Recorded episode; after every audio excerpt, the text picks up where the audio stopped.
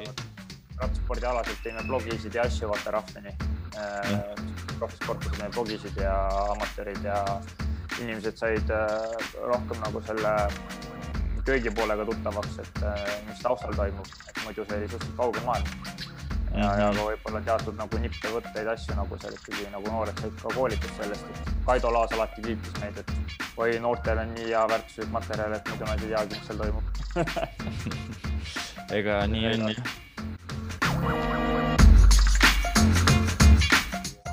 aga jah, selles mõttes täna on niisugune hea sujuv algus, et äh, tere tulemast, Rene. no tere. virtuaalselt külla ähm, tead, ma alustan kohe ühe sellise looga, äh, mis, äh, sa oled mind kolm korda suures plaanis elus, ma ütleks, et päästnud, aga siukse päästerõnga visanud. ma arvan, et kahte korda sa mäletad praegu peast, aga esimest korda ma ei tea, kas sa mäletad ja see on, see on see põnev lugu, miks ma seda rääkida tahan. ma arvan, et see oli kaks tuhat üheksa või kaks tuhat kümme minu üks esimestest aastatest siis äh, Otepääl spordikoolis ja mul ei olnud talvetagi ja soojasi riideid põhimõtteliselt, millega talvel sõita. ja siis ma täiesti lambist kirjutasin sinule, ma arvan, et see oli Orkutis, sellepärast et Facebookis seda vestlust enam alles ei ole ja ma kindlasti ei helistanud sulle. et äh, kuule, kas sa mulle riideid saad anda, sest et tollel ajal sõitsid sina AG2R-is äh, Prantsusmaal siis, eks ole ja ma ei, ma ei tea, sa vastasid mulle võib-olla hästi siukse äh, kiire vastusega okei okay või midagi sellist ja ma arvasin, et ega sealt nojah, et ega suurt midagi vist ei tule siis. Ja ma arvan, et ma küsisin ka niimoodi hästi mööda minnes kuidagi ülbelt, et äh, aga minu suureks äh, äh, üllatuseks siis esmaspäeval, kui tuli kooli mu klassivend Kristjan Neemela, siis tal oli kaasas üks kilekott, mille ta mulle andis ja ütles, et Rene saatis ja seal kilekotis oli tagi ja üks äh, vest ilusate AG2R värvis riietega. kas sa mäletad seda või? kusjuures, äh, kui sa nüüd seda räägid, siis mul tuleb meelde, aga mul ei olnud absoluutselt see meeles, absoluutselt. aga nüüd mul viskab midagi ette küll, et vist mingi teema oli. Äh, sul on päris hea mälu selle koha pealt, et. ei, muidugi. rääkisin ka sulle, et ma olin ju suhteliselt leenuke vend, et no sa olid muidugi kõvasti noorem siis, et ja ma olin, ma arvan, et ma olin sinu pikkune siis, äh, mis sa oled, kaheksakümmend neli, kaheksakümmend viis. jah äh, ma olin sinu pikkune siis, ma ei olnud äh, ja hästi napilt läksid selga, kusjuures vestiga oli veel raskusi, sellepärast et vesti ma enam tagi peale tõmmata ei saanud, aga vesti ma andsin klubikaaslasele Jörgen Matile, nii et kõik läks asja ette nii või naa. aga ja sellel, sellel talvel oli mul rahulik talveriietega, et et, kohe andsid äh, enda, enda varudest mulle riideid, et see oli suur üllatus ja siis teised kaks korda on olnud see, et kui ma kaks tuhat viisteist panin ala maha, siis sa pakkusid mulle töökoha kandikul ette, eks ole, et tule treeneriks Tartusse pelotoni. ja nüüd kolmas on tegelikult see, millest ma avalikult või kuskil ei ole isegi üle, midagi rääkinud, LinkedInis on nüüd ainult üleval, on see, et äh, tegelikult äh, me teeme koostööd seoses ka Ampler development tiimiga nüüd, et kus ma siis äh, panustan nii-öelda, proovin panustada enda turunduslike oskustega, et, et otsida sponsoreid ja teha seda, seda kohalikku rattaprojekti siin suuremaks. et äh, suured tänud sulle selle kolme korra eest, mis sa oled mulle päästerõnga andnud nii-öelda no pole tänu väärt, ma ei ole ise seda absoluutselt selles võtmes näinud ka, et, et see treeneri töö mingi meelakkumine sul kindlasti ei olnud, kui sa pelotoni tulid ja ei, pigem olid suured väljakutsed, et mille sa julgesid välja ise vastu võtta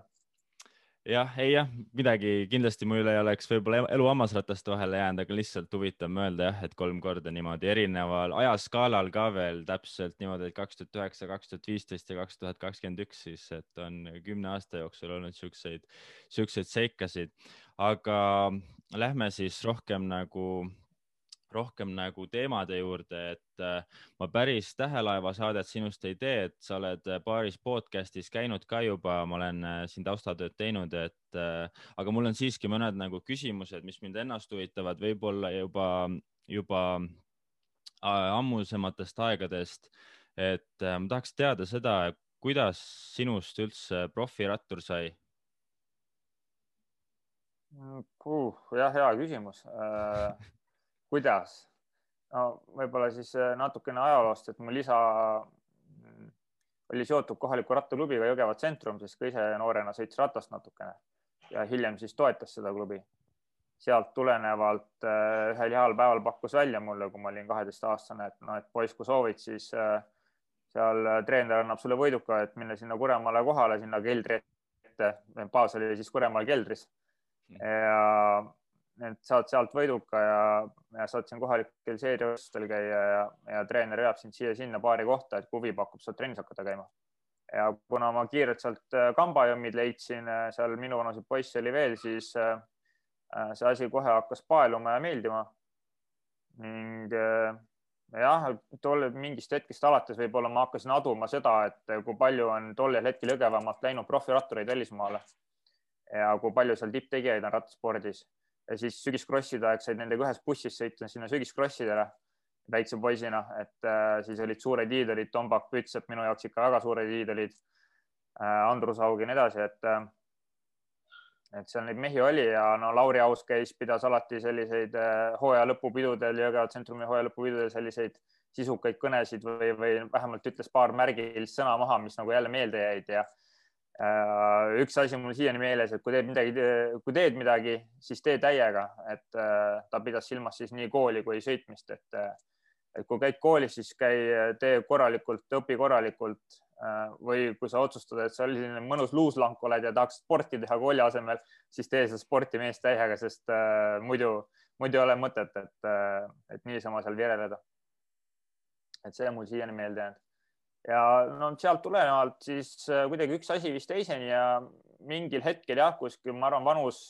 kuusteist, seitseteist, siis mul tekkis ikkagi kindel siht, et äh, ma sain aru, et ma kõige kehvem vend ei ole kodusel maastikul äh,. ma absoluutselt ei olnud võitja selles mõttes, et ma noorest saati ei võitnud midagi, et hea, kui mõned üksikud korrad poodiumile sähvatasin, no see oli ikka täielik tähehetk siis. ja aga siis jah, kuidagi tekkis see siht silme ette ja ma sain aru, et et äh, ma tahan justkui nagu teistele kuttidele pähe panna, noh, kellele ma kogu aeg kaotanud olin. siis tekkis see nagu motivatsioon esialgu ja sealt edasi, kui juba välismaal võistlusel käisime, siis ma sain aru, et ega ma oma vanust Euroopa pildis tegelikult enam kõige kehvem ei olnudki, kui tõusud ette tulid, et kodune maastik oli minu jaoks tol hetkel väga sile ja jõulisemad kutid panid alati ära. aga välismaal hakkasime käima, siis sain aru, et äh, tegelikult kogu selles konkurentsis mul võib-olla ei olnudki nii palju vastaseid välismaal sõites ja, ja sealt tekkis see motivatsioon läbi murda ja, ja siis juba oli jah, kindel siht silmis, et kui üheksateist aastaselt Prantsusmaale läksin, siis no ütleme, viimane aasta juba koolis käies ma olin kindel, et ma ülikooli edasi õppima ei lähe esialgu, et äh, proovin kindlasti profispordis läbi lüüa. ja no minu eesmärk võib-olla ei olnudki siis profispordis läbi lüüa, vaid eesmärk oli kohe võita Tour de France etappe tulla maailmameistrivõistlusel poodiumile või tulla maailmameistriks, see oli see siht, eks ole, et äh, maksimalist nagu ma olen, siis äh, ma ei seadnud endale eesmärgiks profiks saamist, vaid ma seadsin eesmärgiks ikka pigem jah, siis selle äh, Tour de France etapivõidu või, või midagi taolist, ma mäletan, et vaatasin neid treeningpäevi kohal Jan Ulrichi ja Marko Pantani pilte tol ajal, mida tagantjärgi, tagantjärgi tundub suht naljakas. et või Frank Vandenbruck ja kes mul seal olid kleebitud treeningpäev, kus eeskujudena, noh tagantjärgi teame, millega mehed tegelesid ja see on tegelikult see pool spordist, mis mul absoluutselt korda ei lähe. aga, aga jah, siis äh, sai pea linksu alla pandud nõndanimetatud ja ainult selle nimel kütetud, et, äh, et võimekus nii palju tõuseks, et see eesmärk saavutada. ja ühel päeval, heal päeval, kui ma olin juba mitu aastat proff olnud, siis ma sain aru, et pagan, et minust vist seda maailmameistrit ei tule ja Tour de France etapivõitjad küll, et vähemalt äh, ma ei näinud ise teed selleni ja siis hakkas ka kuidagi see motivatsioon nagu langema, et, et sain aru, et seda suurt eesmärki ei täida. aga mul olekski küsimus siin järgmine, et kuidas võib-olla just nagu inimesele, kes ei saa aru sellest spordist, ei ole ise sees olnud, et kuidas sa aru said, et sina ei, sinust ei saa Tour de France'i võitjat või maailmameistrit? No kui sa stabiilselt headel päevadel ikkagi sõidad heal juhul kümne hulka, mitte poodiumile ja seda väga headel päevadel ja sinu stabiilne tase on ikkagi võistlusel seal ütleme kakskümmend kuni nelikümmend. Äh, harva vahet ei ole siis profiilist. noh, ma võin rääkida kõigist nendest tagasilöökidest, mis mul olid erinevate kukkumiste terviseprobleemide läbi, aga ma arvan, et see ei ole niivõrd oluline selles aspektis, et pigem on ikkagi see, et mingi hetk sa saad aru, et et sa oled konkurentsivõimelisem ainult väiksematel sõitudel, noh, väiksemad sõidud selles mõttes, et profikategoorias siis natuke lahjema kategooriaga võistlustel, kus sa poodiumile murrad, aga, aga mingi hetk saad aru, et sul on ikkagi kõrval kogu aeg vähemalt kümme-viisteist venda, kes jõuga on lihtsalt üle, et ja sa ei saa, hammas ei hakka vastu, ütleme, et treeningutes mõtled ühtpidi, teistpidi, kolmandat pidi asjad läbi, aga, aga parimal päeval ikka heal juhul sõidad sinna kümne hulka, et et see, see nagu jääb jah kaugele sellest etapivõidust või, või maailmameistrivõistluste medalist. võib-olla oli natuke kärsitu, võib-olla oleks pidanud nagu rohkem endale aega andma, et, et ühel heal päeval oleks ära kobistanud. aga, aga jah, see ütleme maksimalistina sa lähed ikkagi seda tähte sealt taevast alla tooma ja siis mingi hetk saad aru, et õhk saab otsa, et, et sinna kosmosesse välja ei küündi jah, ja profispordis on see häda ka, et sulle ei anta väga palju aega selleks kobistamiseks, et äh, pead suhteliselt kiiresti ära kobistama, et siis, siis sa saad midagi. aga mul endal oli võib-olla samamoodi lihtsalt huvitav nagu rääkida ka teistega, mina ju kunagi World Touri, sina jõudsid täitsa kõige kõrgema tasemeni välja tegelikult, eks ole, sest viimased kaks aastat oli siis AG2R World Touris ehk siis esimeses liigas nii-öelda ja, ja mina sõitsin ainult äh, Prantsusmaa kõige kõrgemas amatöörliigas nii-öelda. ja, ja minul oli samamoodi, et oma parimatel päevadel ma sõitsin ennast ükskord äh,, oli üks UCI ehk siis profi nagu võidusõit ja ma sõitsin ennast äh, kilomeeter kaks läksime breiki, olin kahe tüübiga, kolmekesi olime terve päeva breigis ja ma sõitsin ennast nii tühjaks sellega, et järgmised kaks kuud ma olin lihtsalt täiesti audis nagu üldse ei liikunud, üldse ei sõitnud ja sõitsingi ennast ühe väikse, ühe väikse, noh, sada seitsekümmend, kaheksakümmend kilti etapp oli see nii kasti ja siis ma sain aru, et äh, okei okay,, siin lihtsalt ei ole, organism ei vea välja, sest et tegelikult täpselt nii ongi, et sa saad nii tugevaks, kui palju sinu organism laseb sul treenida. Ja sa ei saa seda organismi, noh, sa saad seda vaikselt liigutada, aga lõpuks sa saad aru, et kui see vahe on ikkagi liiga suur, kui sa oled juba seal läve peal, siis äh, tuleb see, või vähemalt siis tegin mina sellise otsuse, võib-olla tänapäeval on teistsugune teadus ja, ja lähenemine, aga aga nii ta on. Mm, mida ma tahaks sult küsida, on see äh, siuksest isiklikust vaatevinklist, et millal sul tuli idee või mõte, et okei okay,, ma tõmban profispordiga otsad kokku ja kuhu sa hakkasid ennast nagu kujutama, seesama moment. Äh, kuidas sa nägid enda tulevikku siis profisportlasena peale profisporti? no natukene võib-olla taustaks nii palju, et äh, võistlustel käies ja peale võistlusi niimoodi ma ikka äh, nende spordidirektorite, treenerite või mehaanikutega, kes meil ka pundis ei olnud, ikka arutasime nagu eluolulisi asju ka ja ütleme, spordiorganisatoorseid asju. mul see alati läks korda ja mis, võib-olla ta läks mul alati sellepärast korda, et äh, see meeskond, kus ma ise, ise sõitsin tol ajal, see AG2R, et seal äh, oli suhteliselt vana kool selles valguses, et äh, äh, kõrvaltiimides juba aeti asju palju professionaalsel, professionaalsemal tasemel. et äh, see meeskond ei suutnud ajaga kaasa minna ja siis sellest tulenevalt ka sai hästi palju nagu lahatud neid erinevaid teemasid personaliga, et kuidas, kuidas, kus see nagu järgmine samm võiks olla, mida võiks teha ja ja organisaator, ütleme jah, organisatoorsel tasemel, mis meeskonnas nagu puudu jääb ja mm, sama siis nagu mulle ka öeldi mitu korda, et noh, et kuule, sa ikka analüüsid päris hästi neid asju läbi, et sa võiksid, äh, et sulle see asi sobiks, et sa ala maha paned, sa kindlasti hakkad kunagi äh, mingiks tiimimänedžeriks või, või klubijuhiks, eks ole, siis äh, ma noh, tol hetkel ma naersin selle peale, sest ma ei osanud niipidi mõelda, peast ma olin sportlane siis, eks ole. ja mingi hetk siis, kui mul see karjäär hakkas läbi saama, siis mulle pigem nagu see treeneri töö tundus huvitavana ja ma tahtsin noori siis aidata ja leidsin, et noh, kiirelt ka väljund leida peale sportlaskarjääri, et ma kunagi suurt raha ei teeninud, et oleks kuskil pangakontol mingid miljonid, mille najalt lasta või kuskil ostetud aktsiaportfell, et seda mul ei olnud, et oli, oli natuke veel vahendeid, et natuke veel üüri maksta ja siis oleks kõik olnud, et ja oli vaja midagi välja mõelda, et mida siis ametialaselt edasi teha ja tegelikult esimese kokkuleppe ma tegin sealsamas Prantsusmaal koha peal, kohe pidin jääma treeneriks sinna ühe amatöörklubi juurde, kus ma ise, kus mul olid väga head sidemed ja kus ma olin ise kaks tuhat viis aastal ja siis ka kaks tuhat kolmteist mu viimane aasta, mis ma sõitsin veel ratast. ja kuidagi sealt läks kohe talvel jutt nii palju edasi, et Lätist Reetu mu Delfinis Igo Japins otsis spordidirektorit Äh, nendel oli suut C kontinentaaltaseme meeskond tollel hetkel ja läbi Jaan Kirsipoisi siis jõudis see info ka minuni. ja Jaan tegi ka Igole ettepaneku, et kuule, et ta ise ei soovi minna, sest see pakkumine tehti Jaanile, et tal muud tegemised, aga et, et võta Rene ja no ega palju aega ei läinudki, nii et tegin kaks tuhat neliteist jaanuaris siis veel Prantsusmaal amatöörklubiga laagri kaasa seal sisuliselt leppisin kokku, et äh, esimesest veebruarist ma asun uude kohta tööle.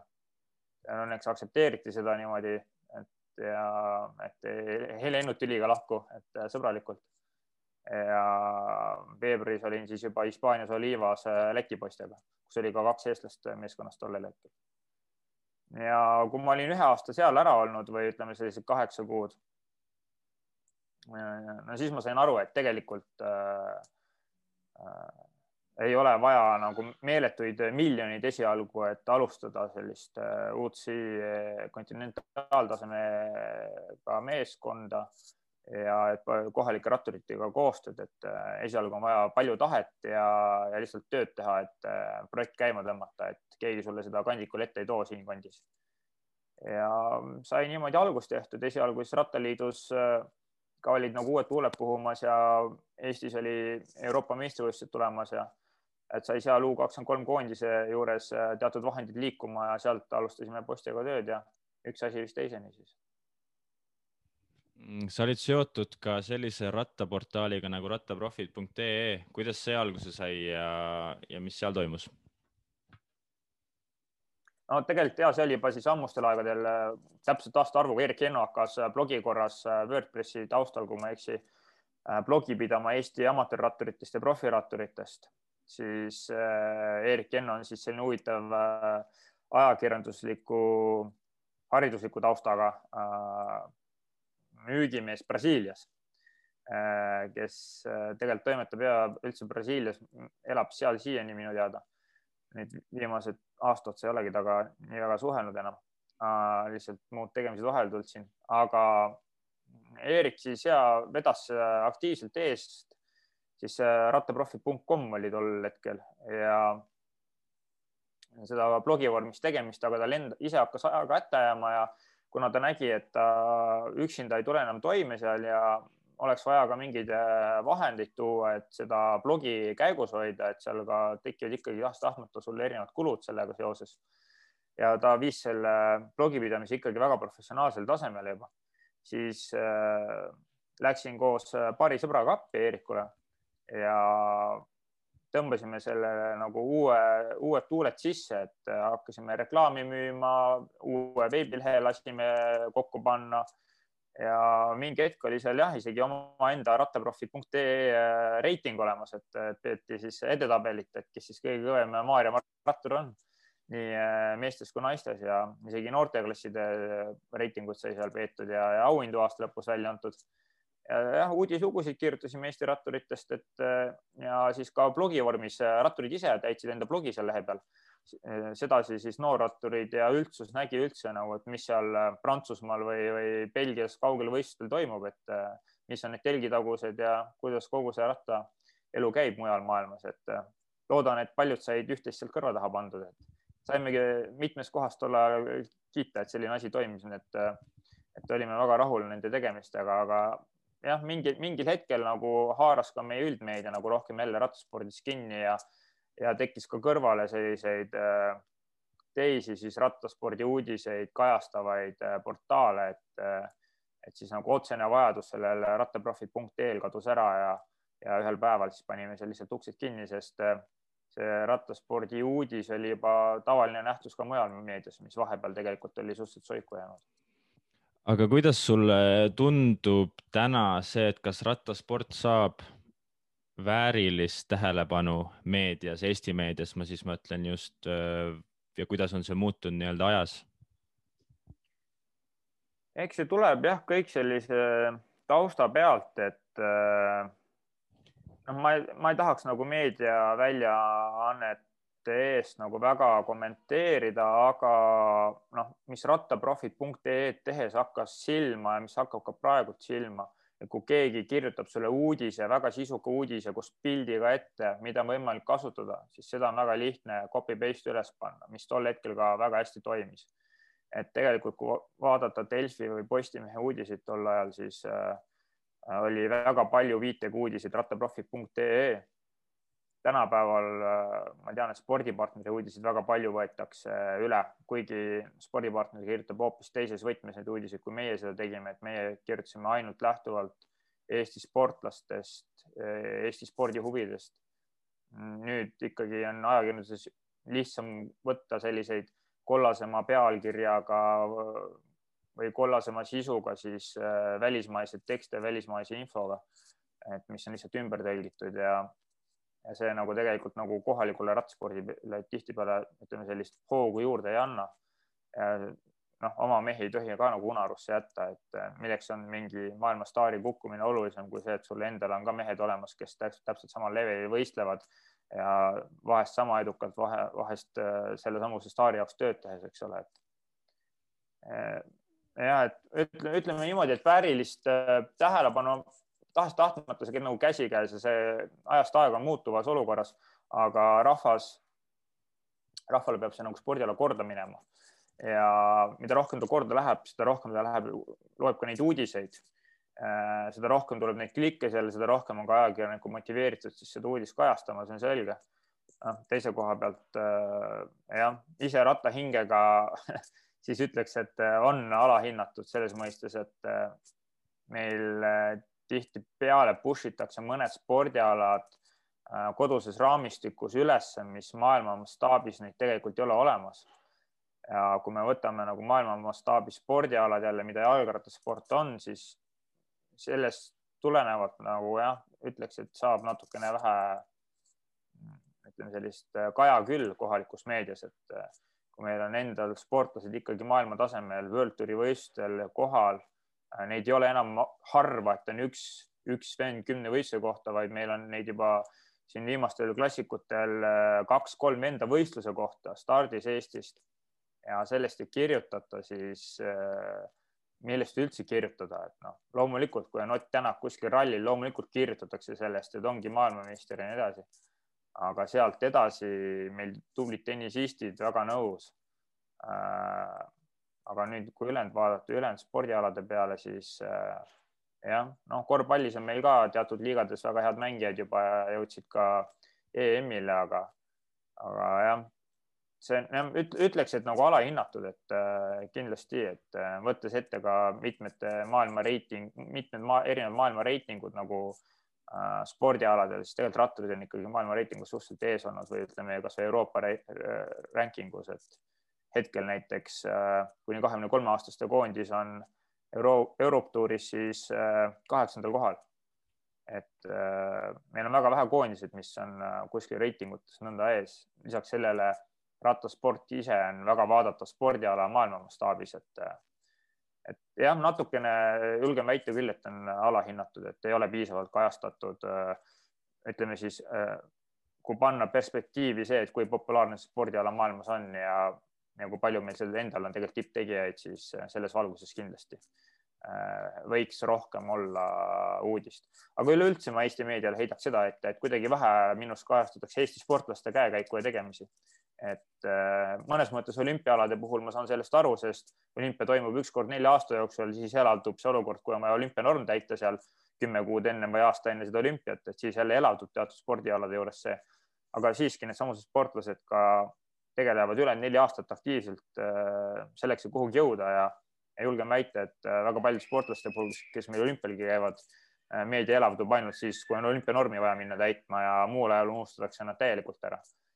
kuigi nad on oma spordiala vaieldamatult tipptegijad, et et jah, et ma nagu ei viskaks seda nüüd õuna ainult sinna, et rattu, rattureid alahinnatakse, vaid üldse kuidagi Eesti sportlasi ei kajastata piisavalt, et tundub, et palju lihtsam on klikke koguda nende välismaiste uudiste pealt, kust, mille saavad iga ala nagu fännid nii või naa igalt poolt kätte, noh, kes vähegi rahvusvahelistes portaalides ringi käivad ja spordifänn käib. aga Eesti enda inimene tahaks teada ikkagi üldjuhul Eesti enda inimeste käekäigu kohta, ma eeldan vähemalt. ja ma ise tunnen küll puudust, et natuke liiga palju on, et äh, mul on olnud ka olukordi, kus ma olen meelega läinud tõmmanud äh, kas Delfi või äh, ERR-i selle uudislehe lahti mobiilis ja lükanud siis neid uudiseid kirides, eks ole, näpuga, et kaugele välja jõuad, ennem kui tuleb Eesti sportlasest jutt. ja teinekord ikka kerid jupp aega.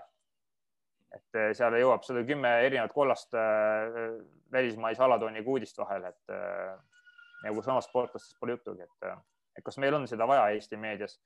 Mm, pigem nagu Eesti nii väike, et võiks just omasid toetada või push ida, et ma olen ju elanud näiteks toon võrdluseks Prantsusmaal eri piirkondades. Äh, need piirkonnad on tihtipeale suuremad kui Eesti riik, kui räägime maakonna suurusest, palju siin inimesi elab. Ja nende maakondade enda lehed, siis võta spordilehed lahti, siis nad räägivad ainult kohalike klubide või kohalike, ütleme siis sportlaste või kohalikus piirkonnas ka nagu välissportlased, kes kohalikes klubides mängivad, nendest Nad ei räägi väga palju suurtest asjadest, sest suurtest asjadest räägivadki siis nagu L'Equipe ja, ja ütleme La Gazzetta Itaalias ja no, et sellised põhisuured kanalid, eks ole, äh, kus seda sporti nagu koondatakse või siis sa panedki eurospordi käima või, või mõne spordikanali, kus sa selle info kätte saad. aga noh, Eesti on nii väike, et me ikkagi peaks nagu siin õla alla panema ka meedia poole pealt Eesti sportlastele, sest äh, me kirume küll, et tugitoolisportlased lähevad äh, olümpiale teinekord või, äh, või et nagu puhkusreisile, siis noh, see on kõige absurdsem, mida saab üldse ajakirjanduses väita minu arvates. et äh, kas need vennad seal selle pliiatsi ja prillidega ise on ka seal Tartu tagant kunagi püsti tõusnud ja päriselt nagu proovinud pingutada, et, et no sellist asja väita on jah, väga kahetsusväärne teinekord lugeda, et niimoodi öeldakse, seda enam, et me oleme ise nii väikesed, meil on kõik need tippsportlased, kes meil proovivad tippu jõuda nagu väga, vägagi loetud ja arvel ning eh, sinna otsa veel meil ei ole nii palju vahendeid ka riigi tasandil või vähemalt ei suunata riigi tasandil nii palju vahendeid sinna, et nad saaksid seda omaenda armastatud spordiala, kus nad maailma tippu proovivad jõuda nagu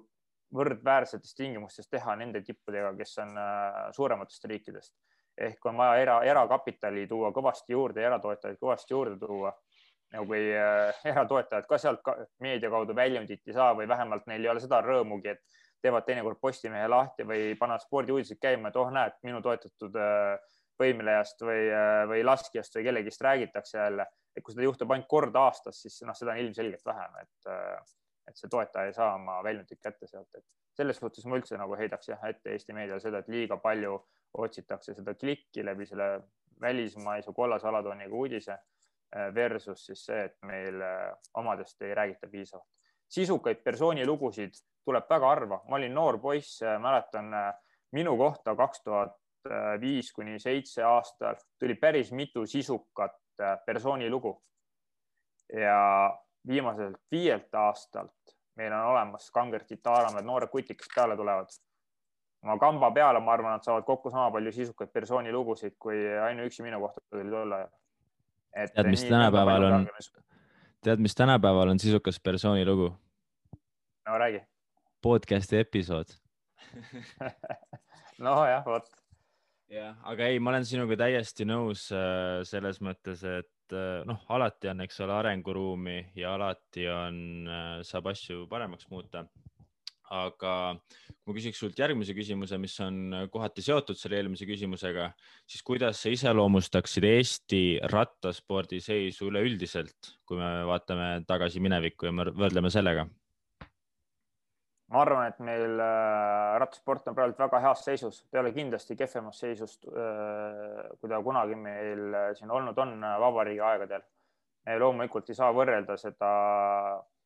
mm, nõukogude ajaga, sest lihtsalt spordisüsteem ise oli selline, et ta tootis sportlasi juurde. tänapäeva kontekstis ikkagi peab sportlane ise väga kaugele ise välja jõudma, et ütleme tippspordi mõistes. Mis on muidugi ülitore, on see, et meil on ka harrastajaid palju, kes ütleme, rattasport on muutunud nagu elustiiliks. Ja tegelikult ega see spordi tegemine ongi osaliselt elustiil ja see on tervislik elustiil, et mida harrastada ja selles mõistes on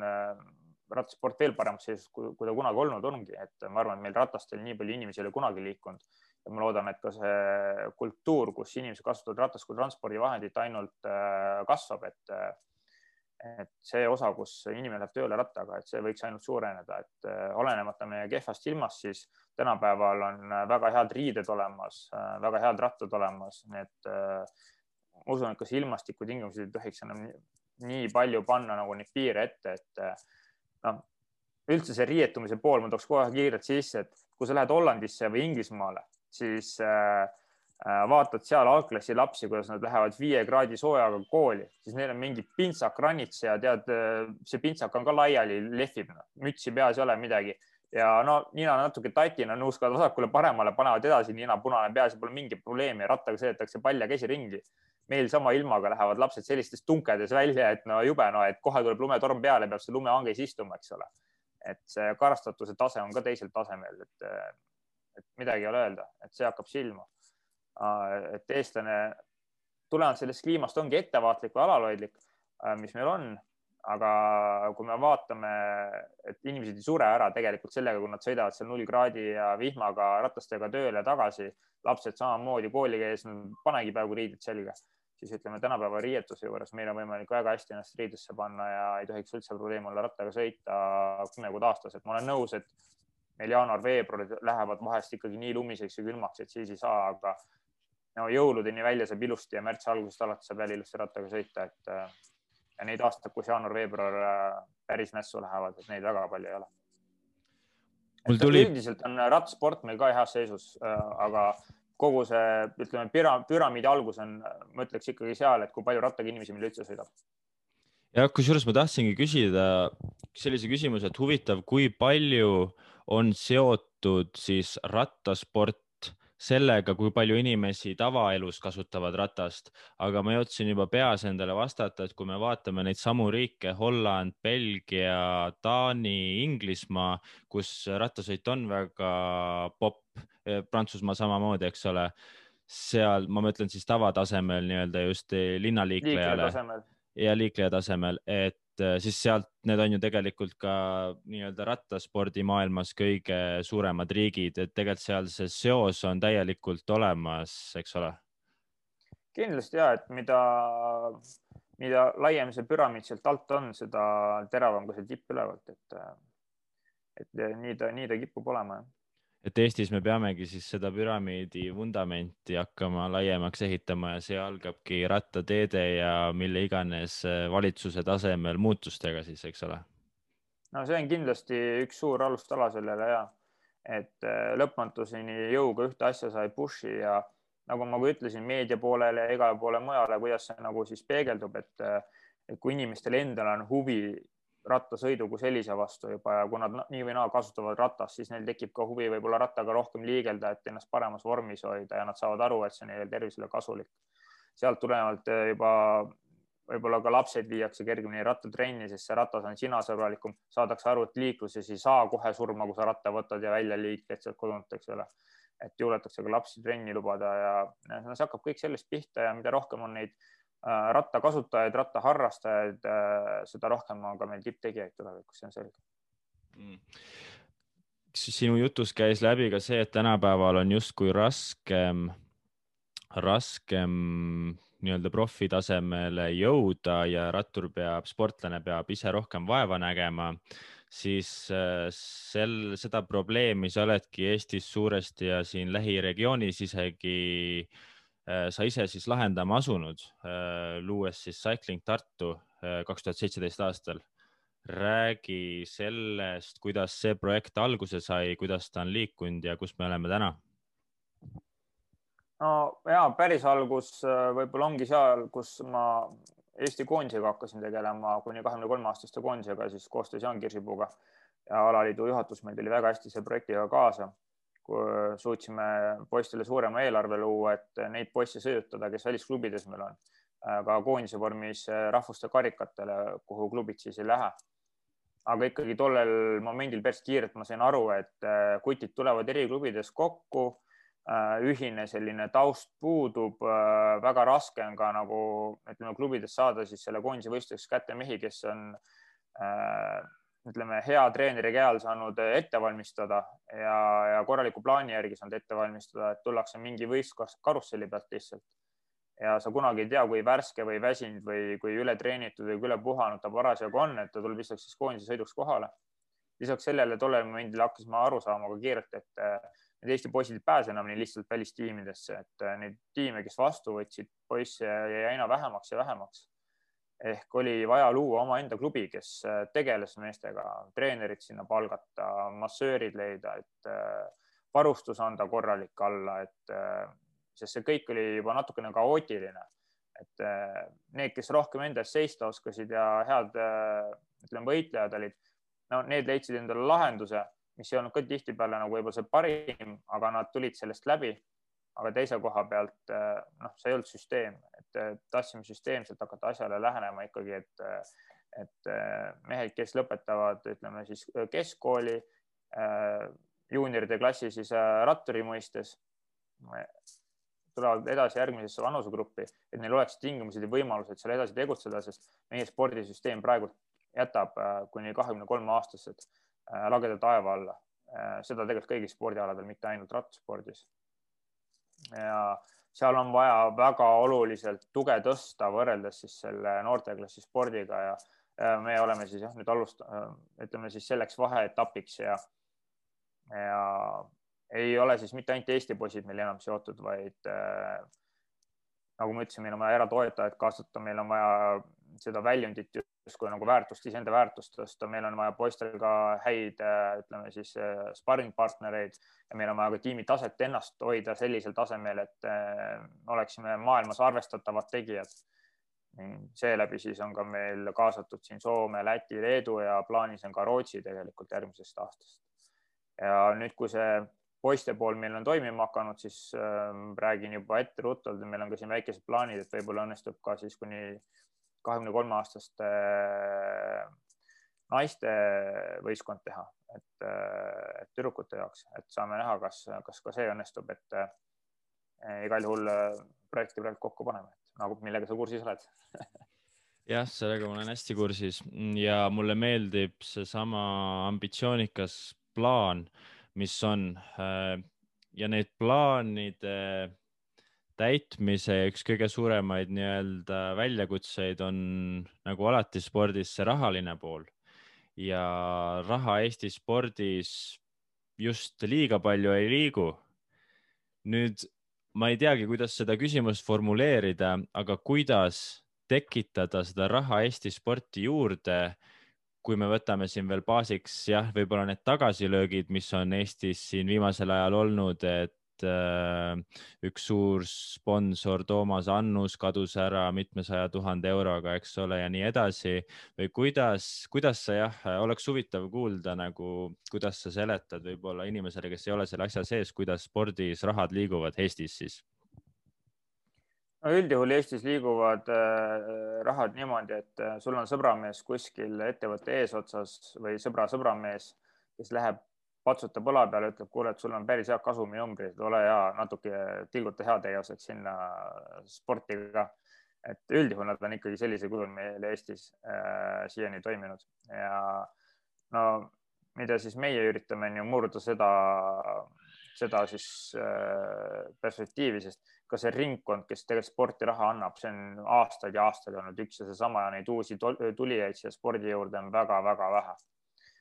et äh, me siis proovime tuua ikkagi seda uut raha siia sporti, et ja mitte sellises stiilis, et koputad õla peale, et ole hea vend, no köhib appi et, et me proovime ikkagi sinna taha ehitada loogilise süsteemi ja väljundi sellele toetajale, et ta saaks ka tagasi sellest midagi. sest tegelikult, kui vaadata globaalses mõistes nüüd rattasporti, siis ta ongi puhtalt erakapitalile üles ehitatud spordiala, kus need ettevõtted siis justkui ostavad seda reklaamipinda. Ja selle reklaami pinnal Kesk-Euroopas on väga korralik mõõde ja väärtus. teatud juhtudel siin hinnatakse isegi kümme korda suuremaks selle väljundi väärtust investeeritud vahenditest, et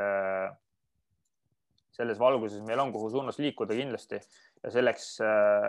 me ei aja ainult Eesti tasemel seda siin, vaid oleme kaasanud ka Läti, Leedu, Soome ja nüüd ka Rootsi. et ka me ise suudaksime suuremat väljundit pakkuda siis meie toetajatele.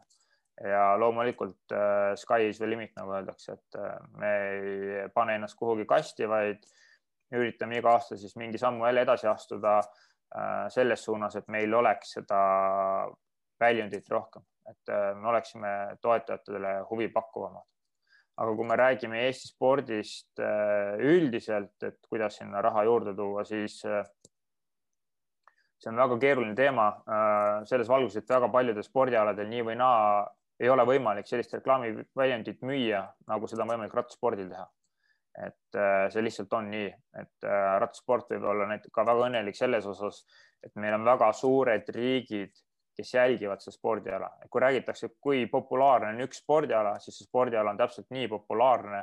äh, kui palju on tal jälgijaskonda ehk kui paljudes suurriikides ta on populaarne. rattaspordi õnn on see, et on suurriikides väga populaarne. kui me räägime maailma kõige populaarsematest spordialadest, me räägime tegelikult ju aladest, millest Eestis meil pole õrna aimugi. näiteks kriket, sest lihtsalt Indias on nii palju inimesi ja kui me räägime siin äh, võib-olla, nüüd ma ei taha Gerd Kanteri kohta midagi halvasti öelda, lihtsalt kui me räägime kettaheitest, siis äh, ka kettaheide teatud aegadel võib-olla oli täpselt nii populaarne, kui palju suurriikides Gerdil äh, konkurente. kui seal neid suurriikides konkurente oli vähem, siis võib-olla oligi täpselt populaarsus piirdus Eesti, Leedu ja mõne, mõne riigiga veel, eks ole, et noh, tegelikult ei olnud väga populaarne et eks see kõik sõltub sellest, kui palju neid suurriike no,. ratta, rattasõit on selles suhtes ikkagi väga õnnelik, et meil on selja taga Ameerika, Austraalia, Inglismaa, Saksamaa, Prantsusmaa, madalmaad, Itaalia, no et äh, suurriigid on selle asja taga ja suurtel riikidel läheb, ütleme suurte riikide inimestele, see läheb väga korda ehk see populaarsus, see spordiala on tohutult suur. et äh, aga jah, et kuna väikestel väiksematel spordialadel ongi nagu see reklaamiväljund palju keerulisem pakkuda, siis äh, tegelikult seal peaks ikkagi olümpiaspordi puhul ja üldse nagu sellise järelkasvu astme puhul palju tugevamalt sekkuma riik, et äh, äh, minu arvates hetkel meil endiselt ei osata piisavalt väärtustada treeneri tööd läbi siis nende tegevuse doteerimise, kes tegelikult toovad lapsed liikuma ja tegelikult ei ole ka leitud piisavalt häid äh, lahendusi, äh, et siis need äh, juba liikuvas olevad lapsed liikumas hoida. et ehk teatud, teatud vanusegruppides kaob see side ära, sest palju lihtsam on koondada stiilis kümneaastaseid suurtesse gruppidesse treeneritel pearahasüsteemi abiga maksta need rendid siis ja õppemaksu abiga maksta need rendikulud äh, spordisaalides ja saada oma palgaraha kokku. aga mida samm sealt edasi, seda kallimaks läheb see sport, ütleme selle ühe õpilase kohta. Ja seda vähem tekib võimekust äh, spordiklubil äh, siis tegeleda nendega. Ja tegelikult riik peaks oluliselt suurendama lihtsalt oma panust sporti, et ja selleks ruumi on, kui aus olla, et kui vaadata nendele eelarvetele otsa, siis vähemalt minule tundub küll, et seal ruumi on kõvasti et arvestades, kui väike protsent Kultuuriministeeriumi eelarvest kasvõi läheb äh, spordi äh, toetamiseks või kui äh, või ole, olematu summa läheb, ütleme, kas või haigekassas või haigekassasse, ütleme ennetustöödeks, et tegelikult sport, see on ka ennetus tervise mõistes. et ja nüüd, kui võtta veel see kõrvale, et väga paljudes riikides on tippsportlased või järelkasvusportlased äh, teatud spordialadel äh, Kaitseliidu siis äh, palgal, mida meil enam üldse ei ole. et siis ka see pool omakorda, et, et ka seal on väga suured vahendid peidus, et meil lihtsalt ei väärtustata sporti piisavalt riiklikul tasemel, see on minu hinnang ei jah, üks, äh, kui me räägime jalgrattaspordi populaarsusest jälle üks fakt, mille ma oleks tahtnud siia vahele visata, mis mulle endale on lihtsalt äh, väga huvitav on see, et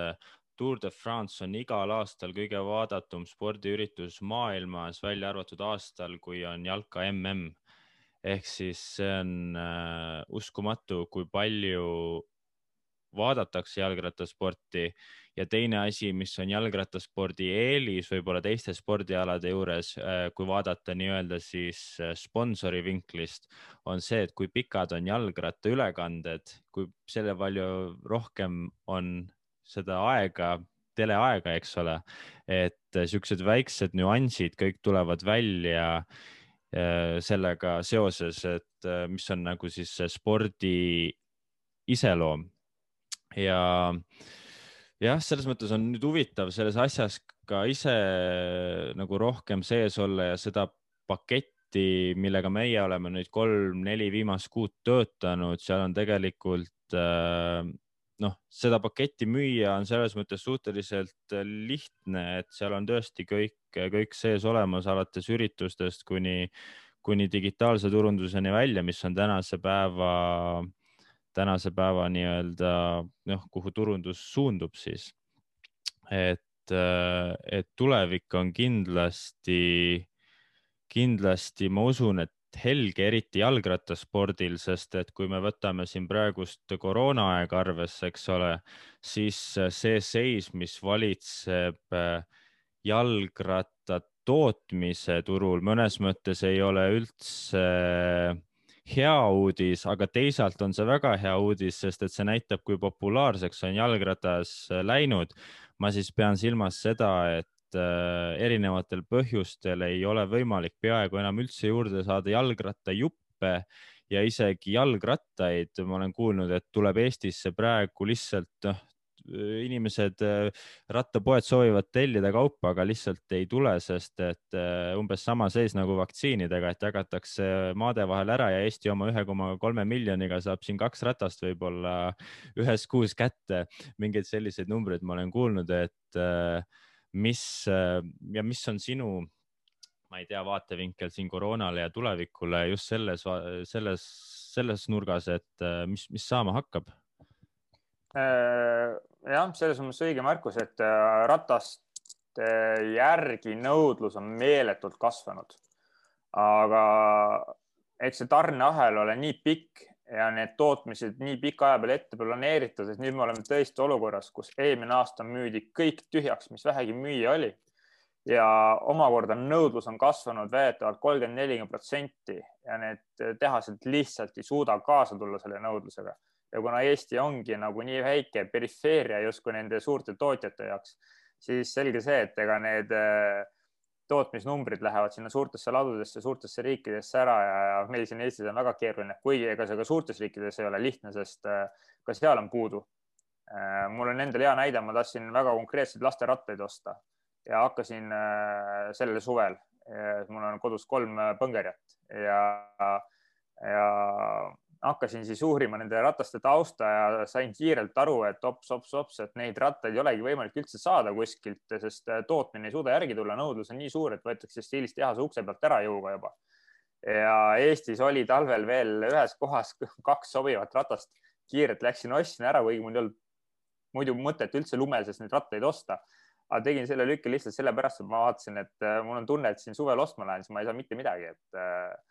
ja, ja nii tundubki nii tundubki, et tegin õige otsa, otsuse. see on tuttav tunne, sest et ma just äh, sellel nädalal ostsin endale gravel bike'i kasutatud, sest et ma ei leidnud Eestist mitte mitte ühtegi sobivat enda hinnakategoorias ratast ja lõpuks ma ostsingi ära nat grammi väikse ratta endale lihtsalt selle FOMO pärast, et fear of missing out, et lõpuks mul ei ole mitte midagi osta. kuuldes neid jutte siin Eesti rattaringkonnas, kus ei olegi enam rattaid kuskilt saada ja vaatad internetist ka, siis äh, igal pool on jah, kuskil augustis või septembris on võib-olla võimalik tellida, aga see tundub ka siukse helge lubadusena, et see on tegelikult nagu, nagu uskumatu, et eh, praegusel ajal me saame olla sellises seisus, et jalgrattad on defitsiit, et ma usun, et väga paljud seda ette ei näinud nagu kaks-kolm aastat tagasi. ja veel üks põnev fakt, eh, mida ma kuulsin, on see, et näiteks Soomes on kasutatud rataste hind tõusnud viimase, ma ei tea, kas see oli pooleteist aastaga kolmkümmend kuni nelikümmend protsenti umbes selles vahemikus. et äh, päris äh, huvitavasse seisu oleme me jõudnud ja, ja nüüd ongi nagu huvitav näha seda ka jah, kuidas see kõik mõjutab otseselt siis jalgrattasporti. Ja, või kas see juba mõjutab näiteks äh, Ampler tiimi ka, et äh, kui te tahate varuosasid saada, kukute võistlustel katki, siis on, on juba raske, raske või, või kuidas sellega? no varustuse koha pealt on see aasta väga keeruline jah, et äh, me oleme, polegi pidanud vist nii kaua kui kunagi ootama neid varujuppe ja, ja tagavararattaid ja osad poisid sõidavad meil endiselt ratastega, millega nad ei peaks tegelikult sõitma praegult et kuna lihtsalt ei ole saada, saada neid ja mm, teise koha pealt jälle see, me peame need rattad iga aasta lõpus müüma ja alles jäänud varustus müüma, et siis me võime suhteliselt kindlad olla, et see müük läheb lihtsalt, sest, sest lihtsalt nõudlus on nii suur, et turg ei suuda praegu selle nõudlusega kaasa tulla. ja tuleviku mõistes kindlasti globaalselt ta näitab seda, et rohkem ja rohkem inimesi on ratastel ja saab ratastel olema ja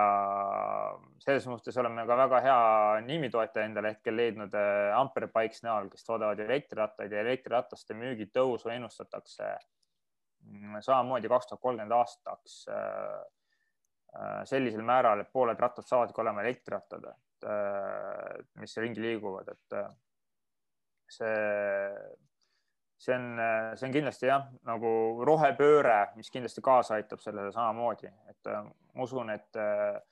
autod äh, varsti muutuvad palju vähem kättesaadavaks inimestele,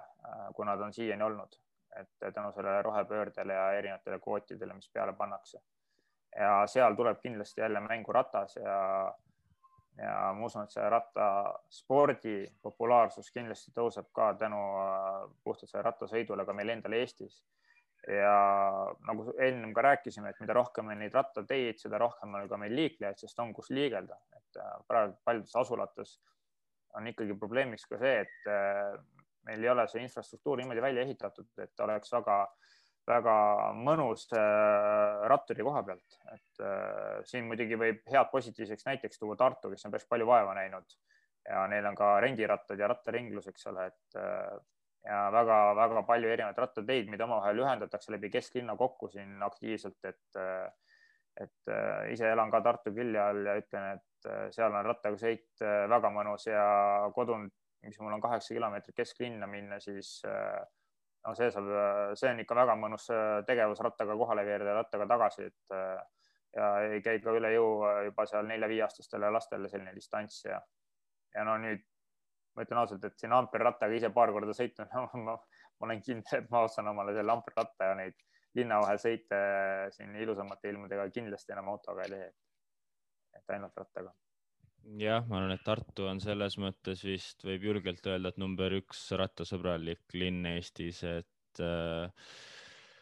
et kes on ka ju äh, meeskonna sponsor siis äh, seoses kaks tuhat kakskümmend neli kultuuri pealinna tiitliga seoses, et, äh, et on, on valinud nii-öelda õige meeskonna, keda toetada selles seoses ka. aga võib-olla hakkakski siin äh, otsasi kokku tõmbama tänaseks. üks küsimus, mida ma tahaksin, mida ma tavaliselt küsin on see, et mis nõu annaksid äh, mu külalised kahekümne aastasele iseendale, aga sinult ma küsiksin selle kahes osas, et mis nõu annaksid sa iseendale ja siis, mis nõu annaksid sa kahekümne aastasele sportlasele, kes äh, pürgib profiks või on praegu sellel äh, teel? ja kui ma olin kahekümne aastane, siis ma mõtlen, et ma olen ise tegelikult tagantjärgi alati mõelnud, et et see tagantjärgi tarkus, see on kõige parem tarkus et eh, küll siis oleks teistmoodi neid asju teinud võib-olla. Äh, kahekümne aastasele iseendale tollel hetkel äh, oleks äh, nähtavasti või tolle hetke enda, endal olekski seda öelnud, et kuna ma olin selline üksi mineja ja üksi igalt poolt läbi ronija mul oli väga hea peretugi küll selja taga, aga kindlasti jäi mul nagu ümberkaudsest know-how'st ja toest puudu, et eh, kes oleks mind suutnud paremini suunata et kahekümne aastasele iseendale ma ütleks kindlasti, et äh, suhtle rohkem, ole avatum ja leia juba seal sinu valdkonnas olevaid inimesed ülesse, kes saavad sind aidata ja suunata. Et see on see, mis pikas perspektiivis jäi minul kindlasti puudu. Äh, kui ma räägin tänapäeval äh, kahekümne aastastele, et äh, annaks nõu, siis ütleks, et sihikindlus ja töökus on need kaks võtit, mis viivad edasi ja ütleme, netitarkus ja energia ja ütleme, aja kulutamine liigsetele, ütleme, suhete hoidmisele ei vii mitte kuhugi ehk nagu natukene, natukene vastandlik. aga tol ajal seda, ütleme, infot tuli suhteliselt vähe kõrvalt peale ja tegelikult oleks pidanud väga head inimesed enda kõrvale tooma nagu minu enda võtmes, et oleks seda kvaliteetset head infot, mille najalt edasi liikuda ja teadmist, siis tänapäeval tegelikult on seda infot liiga palju ja on väga raske äh, selles orienteeruda, et tegelikult äh, kuula vähem teisi või ise töökas olla ja edasi pürgida. Ja need mõned inimesed, kes sulle annavad head nõu kõrvalt, siis kuula võib-olla neid ka ära nagu igat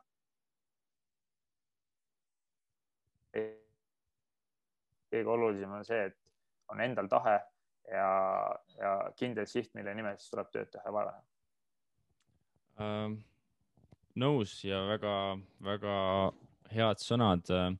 üks küsimus, mis mul tuli meelde, on seoses Eesti võistlustega. kas praegu on teada, millal on järgmised võistlused tulemas muidu Eestis? ei ole täpselt teada, et Rattaliidus äh, keegi seda dikteerida otseselt ei saa, et see oleneb kõik sellest üleüldisest äh, koroona olukorrast. Ja ollakse ootaval seisukohal mõnes mõttes, et äh, kuna siis nüüd äh, neid piiranguid leevendatakse ja jälle võistlusi korraldada saab, et noh, suure tõenäosusega maikuus ei leevendata sellisel määral neid piiranguid, et saab veel suuri rahvaspordiüritusi teha, et äh, lootus on, et mõned eraldi stardid saavad toimuma, kus on vähem osalejaid, et äh, saame näha, kas see nii läheb. okei okay., mida sa tahaksid äkki lisada siia lõppu, mis on täna jäänud ütlemata? eks ütlemata jääb alati meeletult palju, et äh, siis võib jälle rääkima jääda ja uue, uue, uue tunni äh, täis rääkida.